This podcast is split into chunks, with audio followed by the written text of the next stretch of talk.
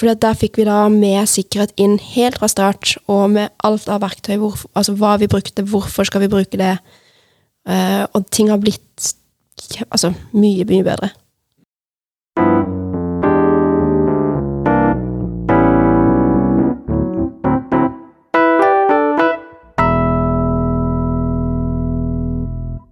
Velkommen til Egderøret. I dag er vi fire her i eh, vårt eminente podkaststudio. Eh, Jeg heter Øyvind. Jeg heter Andreas. Kristina? Helene. Og i dag skal vi snakke litt om eh, sikkerhet i utviklingsprosessen. Og da har vi med oss fagfolk som kan holde oss i hånda gjennom det vi skal snakke om. Eh, Hva er det du jobber med rundt sikkerhet, Helene? Jeg jobber med, primært med sikkerhetsstyring og sikkerhetsstrategiutforming og det å hjelpe organisasjoner med å jobbe med sikkerhet på en effektiv og sikker måte. Det høres litt langt ute fra utviklingsprosessen, Ja, når du sier så mye strategi og sånn. ja. Men uh, hva er ditt forhold til å uh, få mer fokus på sikkerhet tidligere i utviklingsløp og sånn? Jeg har jo mm, vært med på å gjøre ganske mange evalueringer av løsninger, applikasjoner og systemer, em, og i den forbindelse komme inn både seint og tidlig i utviklingsprosessen. Og så kan vi jo, skal vi jo sikkert snakke mye da om hva som er best, og komme inn seint å, å, kjøre en revisjon og se hva som er bra og hva som ikke er bra, eller å faktisk eh, bygge det inn litt em, litt tidligere, da, eller kanskje egentlig helt fra starten av. Det er egentlig der jeg har erfaring med sikkerhet i utviklingsprosessen. Jeg er jo på ingen måte noen utvikler, men nå jobber jeg jo med sikkerhet i Egde. Og der er det jo mange som er utviklere, og der lager vi jo en hel haug med veldig eh, fine løsninger og systemer og applikasjoner, så da, ja, da må man jo bli litt god på sikkerhet i utviklingsprosessen. Mhm. Kristina, du, du er vel litt sånn utvikler, er du ikke? Jeg er litt sånn utvikler, ja. Altså, du, Litt sånn. og du har ikke Du har ikke jobba så lenge? Du er litt nyutdanna? Ja, altså jeg har jo Sånn rent teknisk så har jeg jo jobba her i to år, men det har jo vært deltid ved siden av master. Så det er jo først nå, disse to månedene her, hvor jeg jobba fullt som nyutdanna, da. Mm. Video. Så litt sånn erfaring i to år, men uh, vel så helt nyutdanna nå også, som jeg var for to år siden. Kristine Kristina er jo uh, utvikler og har tatt master i cybersikkerhet. Nja, jeg starta Ja. på, på AI, men fant ut at det var ikke noe gøy, så jeg bare søkte om å bytte ut alle de fagene med cybersecurity-fag istedenfor. Så hun er jo fremtiden. Hun er jo, altså, hun er jo en drømmen som kombinerer sikkerhet og utvikling. Så um, Kristina er skikkelig drømmedame. Shit, for et kompliment! Ja, Ja, hun er det vi trenger. Wow. Mm. Hva, det virker som du har noen forventninger til hva sånne personer kan eh, komme med. No pressure. Hva, Ja. hva, hva er det som har mangla, eh, som du ser liksom en sånn drømmedame kan by på? Jeg tror at um, um, det har veldig lenge vært litt sånn sikkerhetsfolk er litt sånn ja, voktere, kanskje, eller revis revisorer. Kommer inn sånn på slutten, kjører gjennomgang, skal finne feil og peke på ting. Men så har du sånne som Kristina, da, som eh, er, er utvikler, er i utviklingsteamet, og bare har en sånn grunnleggende forståelse for sikkerhet og hvordan du faktisk skal jobbe med det i utviklinga. Um, så det at noen som har den kredden, da, som en utvikler har, er den som kommer inn og er pådriver for at man skal gjøre det på en sikker måte, tror jeg er veldig viktig. Tror du det er lettere å få solgt det inn? Ja. Ja altså hvis, Når du snakker om den creden da, som en utvikler har, da, at det er lettere hvis den at det budskapet kommer fra den personen inn mot et team, eksempel. Ja, jeg tror det er lettere å solgt inn, men viktigere så tror jeg det er mye mer effektivt. At det kommer fra utviklerne selv, Og så er det jo selvfølgelig rom for um, andre med sikkerhetshatt, som er mer eh, Gjør eh, risikovurderinger, trusselmodelleringer osv. Men, men det må på en måte være en del av alt ifra koding til arkitekturen og testinga. Det må komme fra folka som, som har hendene på produktet, og som skrur. Mm. Føler du at du kan eh, leve opp til de forventningene? Sånn, er det Har du creden?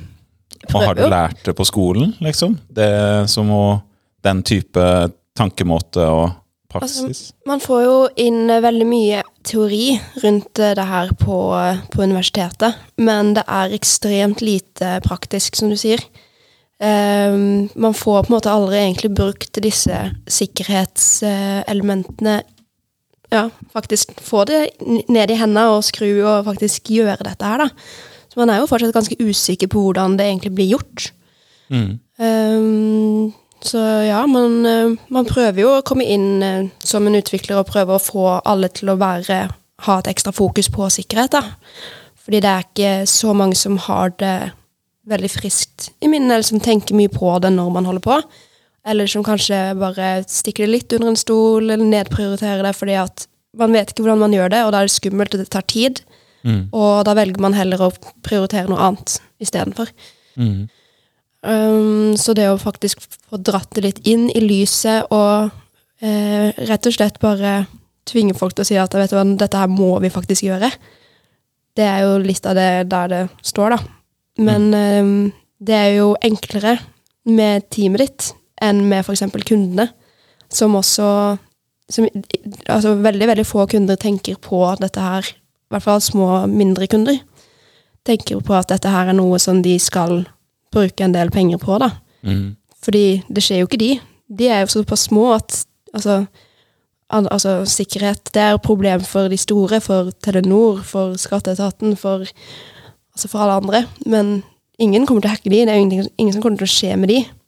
Men det trenger ikke å være noen som aktivt går ut for å ta de. Det kan være bare noen som gjør noe feil, og så oi, der fikk jeg plutselig tilgang til masse jeg ikke burde ha tilgang til. Mm.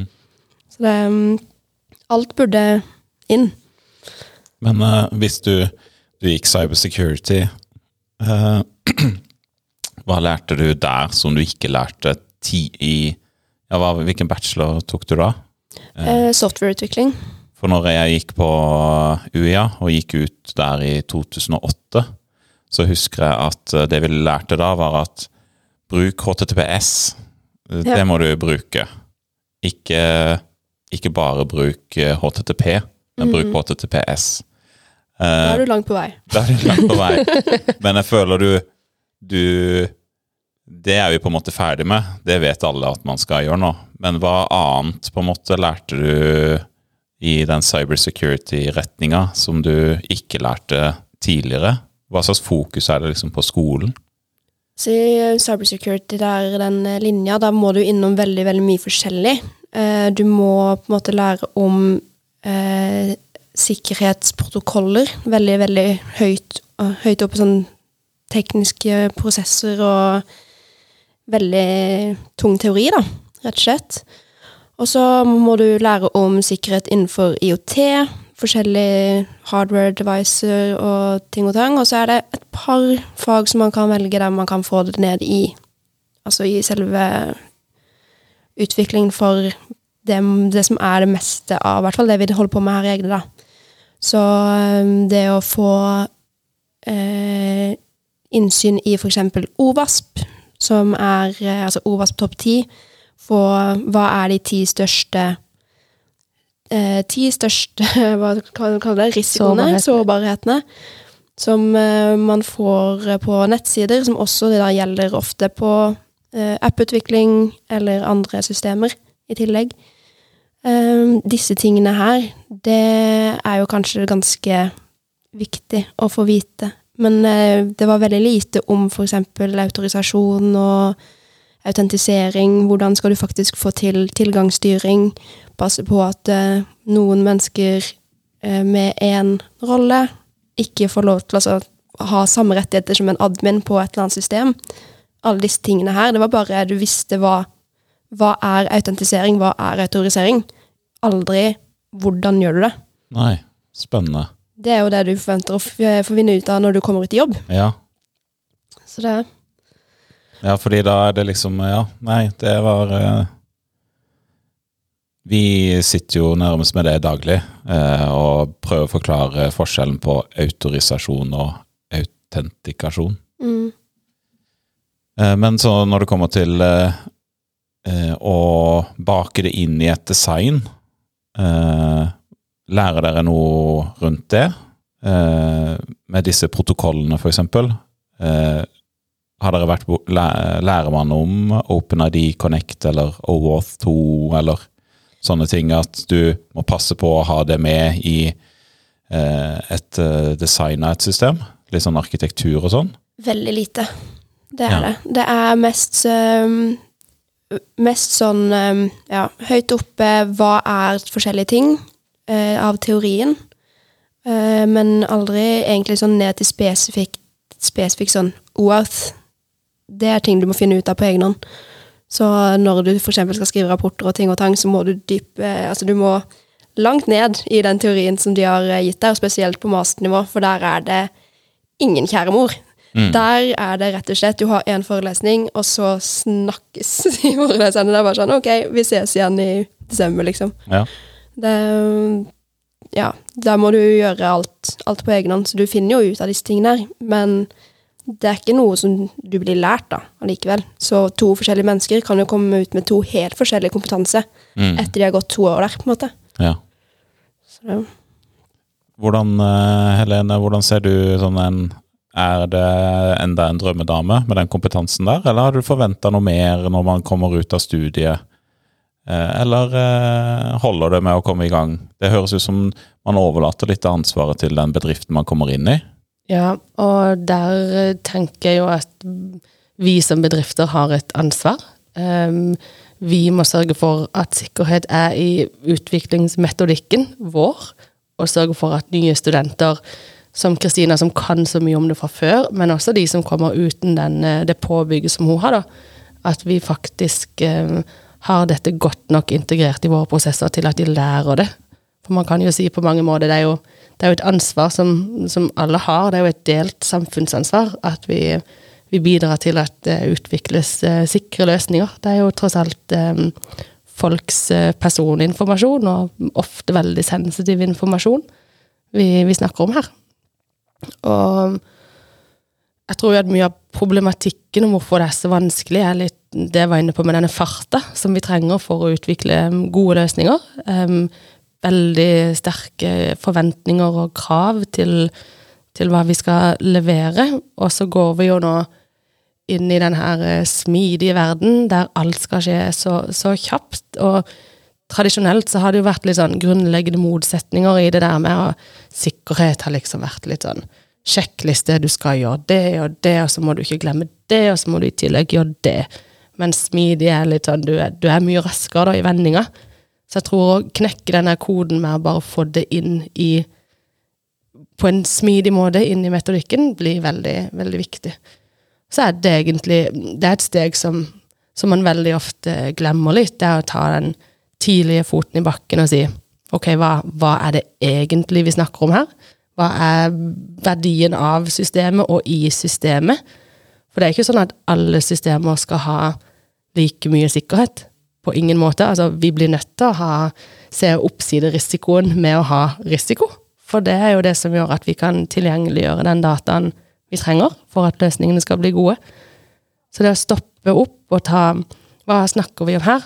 Gjøre en verdivurdering, og så tidlig en sånn overordna initiell risikovurdering, der man ser på ulike scenarioer på hva som kan gå galt, og nesten lage en slags backlog av ting som må på plass. da. F.eks. hvilke autentiseringsmekanismer man må ha.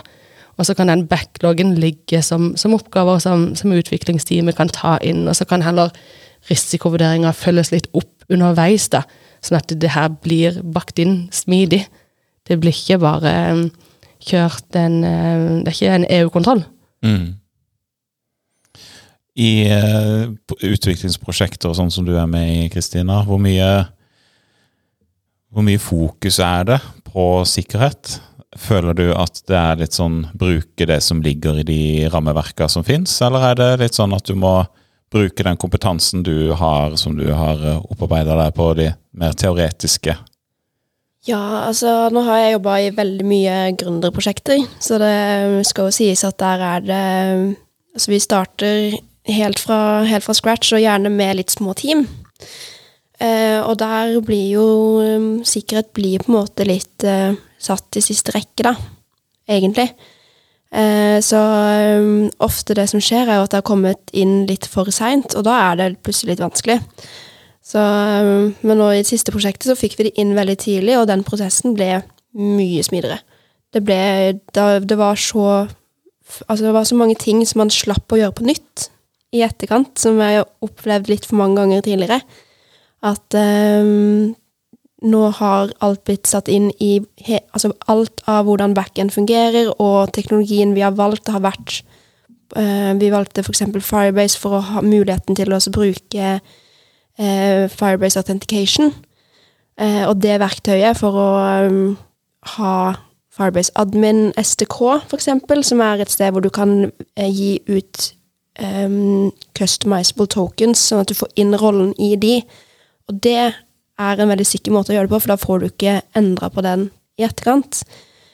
Eh, og for der fikk vi da med sikkerhet inn helt fra start, og med alt av verktøy, hvor, altså hva vi brukte, hvorfor skal vi bruke det, eh, og ting har blitt altså, mye, mye bedre mm. av, ja, av nettopp det. Eh, hvis jeg skal tenke at jeg er en hacker, og så får jeg høre alle de der teknologiene som man bruker Dere som har peiling på det her, kunne Er det litt skummelt å si hva slags teknologier man bruker, og få tilgang på et designdokument av et system? Sånn kan jeg Er det veldig mye lettere å hacke det, da, enn Eller er det de der logiske bristene man må lete etter i et system når man når man hacker det? Både òg, egentlig. Uh, altså Det kan jo være fint å ikke si absolutt alt man bruker, og det har jeg heller ikke gjort. men, uh, men allikevel, da, så er det jo fortsatt Altså, Firebase er jo, det er Google sitt produkt. Skal litt til å hacke seg inn i det, på en måte. Mm. Så, så lenge man da har gjort alt på riktig måte, og det er jo kanskje der det ofte brister, da. At uh, integrasjonene mellom forskjellige verktøy, uh, konfigurasjoner av disse verktøyene, at uh, det ikke har blitt gjort på riktig måte, og da kan man kanskje finne en bakvei. Mm. Når du skal integrere Firebase, for eksempel, da, er det bare å følge Google sin dokumentasjon, eller er det det var, know-how Nei, det, det? det var veldig greit, egentlig. Det er den enkleste tingen jeg har satt opp. Ja. det var veldig digg å for en gangs skyld ha en veldig, veldig flott dokumentasjon som bare funka.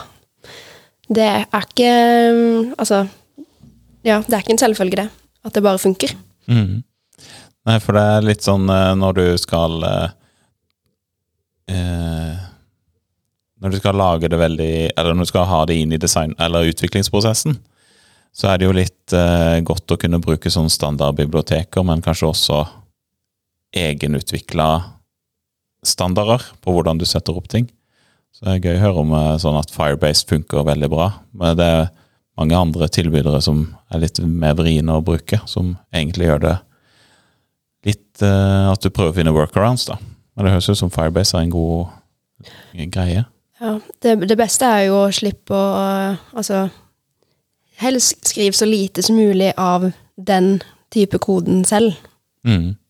Aldri lag din egen kryptografi, eksempel, med mindre du kanskje har en doktorgrad i nøyaktig det. Altså, det er um, så utrolig mange feil man kan, man kan, gjøre. Plutselig så snubler man. Så det er på en måte ikke noe vits i å finne opp hjulet på nytt, da. Mm. Så det finnes veldig mange gode standardiserte løsninger, og de er standardiserte av en grunn. Mm. Um, ja, sikkerhet, eh, sånn eh, type protokollhåndtering og behandle tråder i en mm. applikasjon, der trenger du noen doktorgrader. Ja. Eh, men hva, det, hva er det slags gevinst er det man får med å ha bakt inn dette i utviklingsprosessen så tidlig? Hva slags gevinster får man da seinere, Helene? Hva er det du ser hva, hva slags Kanskje sånne personer som deg trenger kanskje å gjøre mindre jobb, eller at man Ja, og så er det jo litt som Kristine her er inne på, at man, man slipper å endre så mye underveis. Så det er egentlig veldig effektivt og kostnadsbesparende. Men til syvende og sist så er det jo det at man, eh, man får et uh, sikrere produkt, og man er bedre, bedre rusta. Og jeg tenker jo at man eh, har større sjanse for å um, opprettholde tillit til eh, brukerne. At man, eh, at man har et, eh, et sikkert produkt. Og så er det jo veldig mange som har krav til at løsningene skal være utvikla i, i henhold til disse prinsippene da, som vi egentlig snakker om, innebygd sikkerhet og personvern.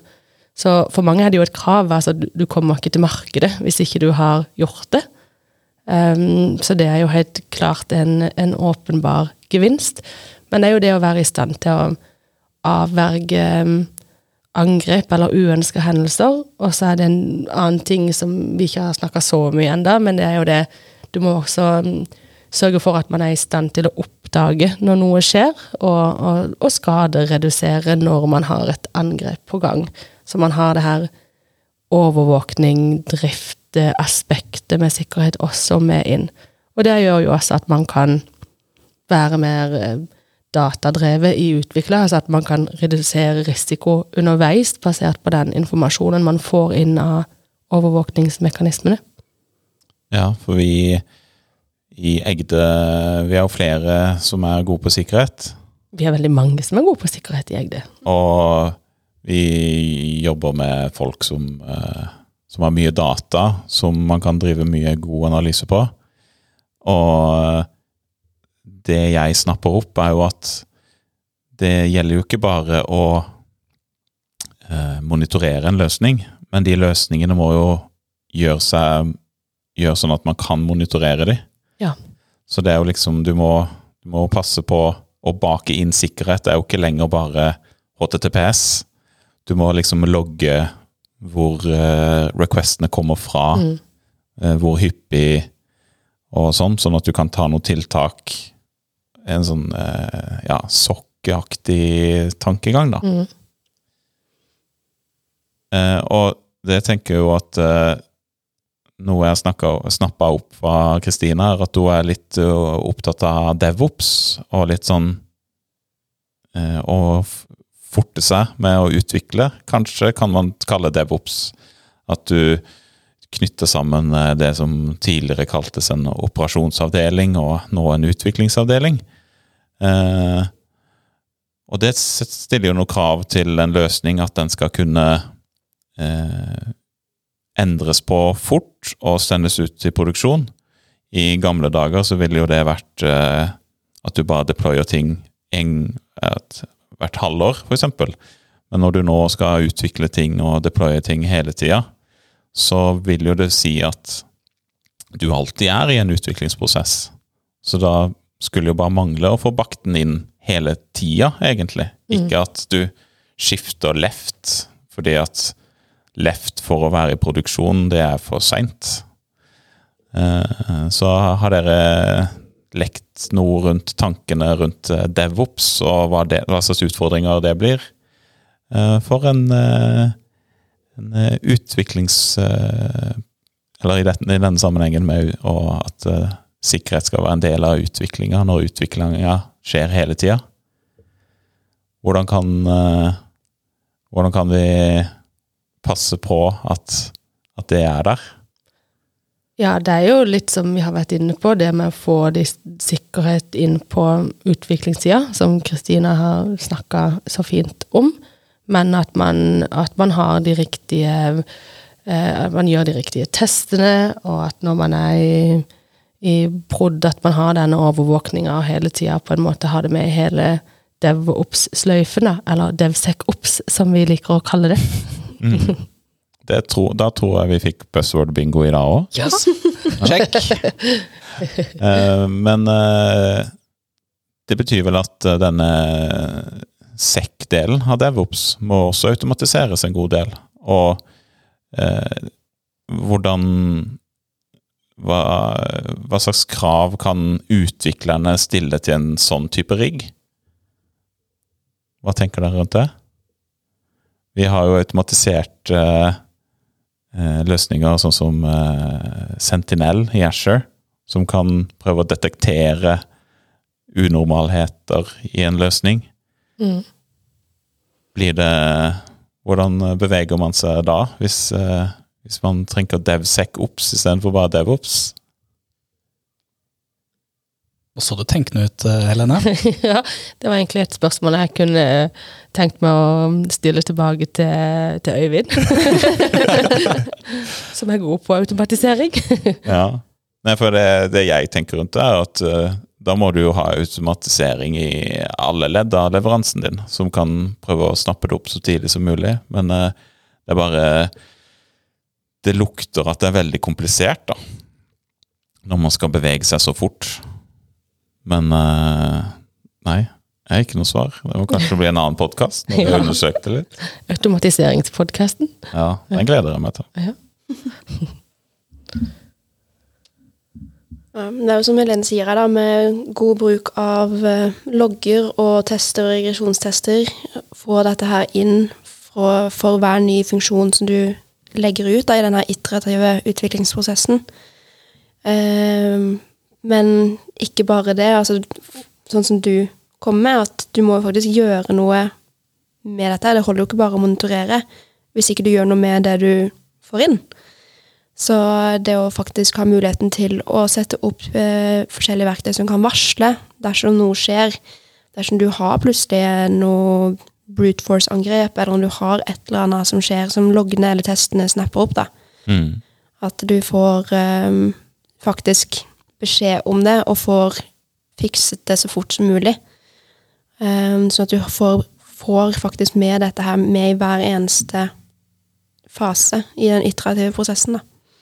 Ja, for det er det en snapper opp fra ja, en annen sånn sikkerhetsfyr her i Egde, som heter Kim, at han sier at det er om å gjøre å få låst ned den som er inntrengeren. Så hvis du deployer noe, og du f.eks. sier at eh, 10% av alle tjenestene dine skal kjøre denne nye programvaren, sånn at du i hvert fall får Kanskje ikke skrudd den av engang, for det tar for lang tid, men du bare isolerer den, sånn at den ikke får gjort noen ting. Får ikke snakka med omverdenen. Og så kan du kanskje da til og med klare å analysere den tjenesten når den kjører, og finne ut av hvordan har den blitt eksponert. Ja, det er veldig mange sånne ting man kan sette opp eh, som blir automatisert. da. At eh, eksempel hvis du har prøvd å logge inn ti ganger på et sekund, så er det ganske klart at du er ikke et menneske. Og dermed kunne fjerne alt av rettigheter som den ene brukeren har, da, for eksempel. Som bare gjør, gjøres automatisk før du i det hele tatt har fått beskjed om at nå er det noe som skjer. Bare for å minske risikoen for at de kan fortsette med dette her.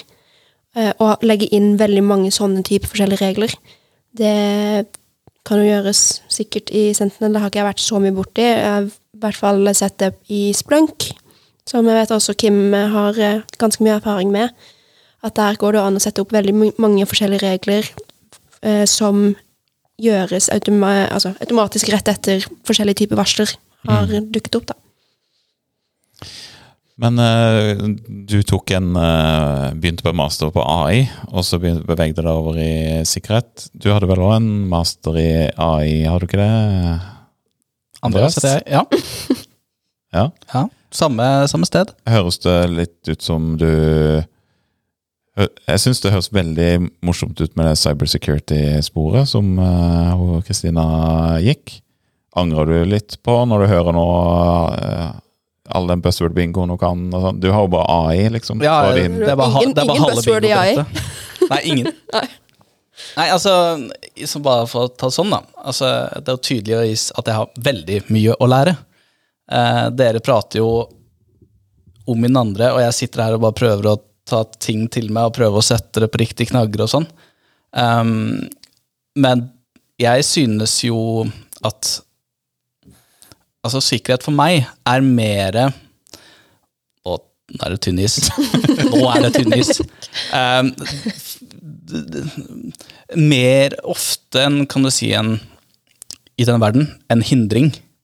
Hvis du snakker AI-verden, da. Sånn i min Ja. Nå surrer jeg bare. Men uh, for meg så er det en hindring. Uh, tydeligvis så er det jo ikke det. Dere sier jo at det er jo en Man må analysere risikoene. Man, altså det er jo noen risikoer man bør ta for å expose data, som Helene prata om. Eh, og det støtter jo jeg. Expose data er jo, det jo tipp topp. Jeg trodde jo du hadde hengt lenge nok med oss til at du snakker om sikkerhet som en muliggjører, og ikke en hindring. Det var derfor jeg sa isen her var tynn, sant? Ja. Ja, ja. Da må du sparkes ut av rommet hvis Ja, du er fortsetter. å høre. Men vi prøver å unngå det så, så langt det kan la seg gjøre. Mm. Spennende. AI, altså. Det er spennende. For det Men hva, hva er det du har dratt nytt av med å ha hatt litt sånn AI i bakhodet, Kristina, når du har tatt masteren i cybersecurity? Har du, dratt noe, har du følt at du har liksom mer Yes, jeg har overtak på det, jeg kan dette AI-greiene? Nei, min største fordel av det var vel egentlig å veldig klart klare å identifisere ting jeg ikke er interessert i. Finne andre ting som var litt gøyere. Ja. Men jeg vil jo kanskje tro at du hadde enda en bakgrunn som kunne se litt større muligheter, da. Altså, du har AI i bakgrunnen. Ok, kan vi prøve noe AI inn mot sikkerhet? Eh, Hvor er mulighetene? Hva kan gjøres? Hvordan gjøres det? Det er jo en kjempefordel, slik jeg ser det. Ja, altså AI kan jo brukes til så mangt, absolutt. Og det, det var jo også derfor jeg startet der, for det, det er jo egentlig veldig, veldig interessant Altså det er jo et interessant uh, altså, område innenfor IT. Uh, så, så det var jo egentlig bare det at det, området er veldig gøy. Hvordan man gjør det, var ikke like moro, så syns jeg. Nei, nei. Så det var jo Men du, du- Har ikke lyst til å bli AI-trener? Nei, det er jo kun eh, analyse, og sitte og vente på at det skal kompilere, og så prøve å finne ut av Nei, det, her var det noe som ikke funka. Vet ikke helt hva det var, så vi bare endrer på én ting, og så prøver vi på nytt. Og så Ny- venter ny vi igjen. kaffekopp, Ny kaffekopp. Å, er det sant? Så, Ja, ja, det er kjempegreit. Helt suverent. Men er altså, rart. du er jo mer en sånn unicorn, da. Ikke sant? Si Hvis jeg da som en AI-utvikler da, skal komme inn og skal gjøre noe, skal, skal finne den og den trusselen basert på det og det altså, Jeg sitter jo uten domenekunnskap innenfor sikkerhet. Der sitter jo du igjen på en veldig altså, trumf, da. Mm. Spar S. Det er fordelen. Ja. Men eh, da må jeg si at det var sånn i utviklingsverdenen nå. Nå begynner jeg å bli nesten litt for gammel i det gamet her. Men eh, jeg husker vi venta 20 minutter på å kompilere en webapp back in the days. Så vi har hatt det problemet der òg, og det har jo løst seg, da. Nå har jo Elon Musk gått et, gjort et inntog i AI-verden og satt opp en superduper eh, datamaskin som kan gjøre noe greier. Så vi får prøve, prøve hans datamaskin. Jo, faen på podkasten, forresten. Prøv det.